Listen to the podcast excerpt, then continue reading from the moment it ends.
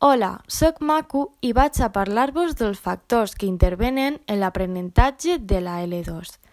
Tenim tres factors que són els més influents, com són l'input, que refereix a quantitat i qualitat, l'output, que refereix a l'experiència rica de parla, i per últim a les característiques personals.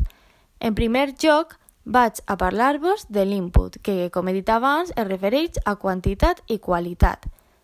L'input és el bagatge lingüístic que rep un aprenent en L2 a partir del qual pot seleccionar, extraure'n regles i crear un nou llenguatge que anirà incorporant al seu sistema d'interllengua.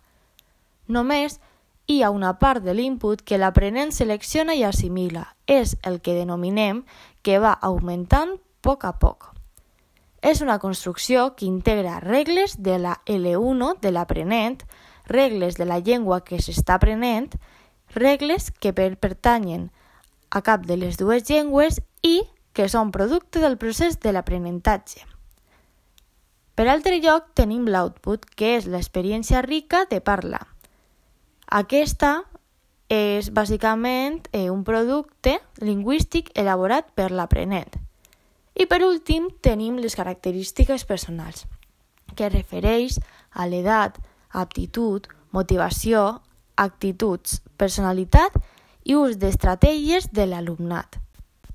I fins així l'episodi acerca dels factors que intervenen en l'aprenentatge de la L2.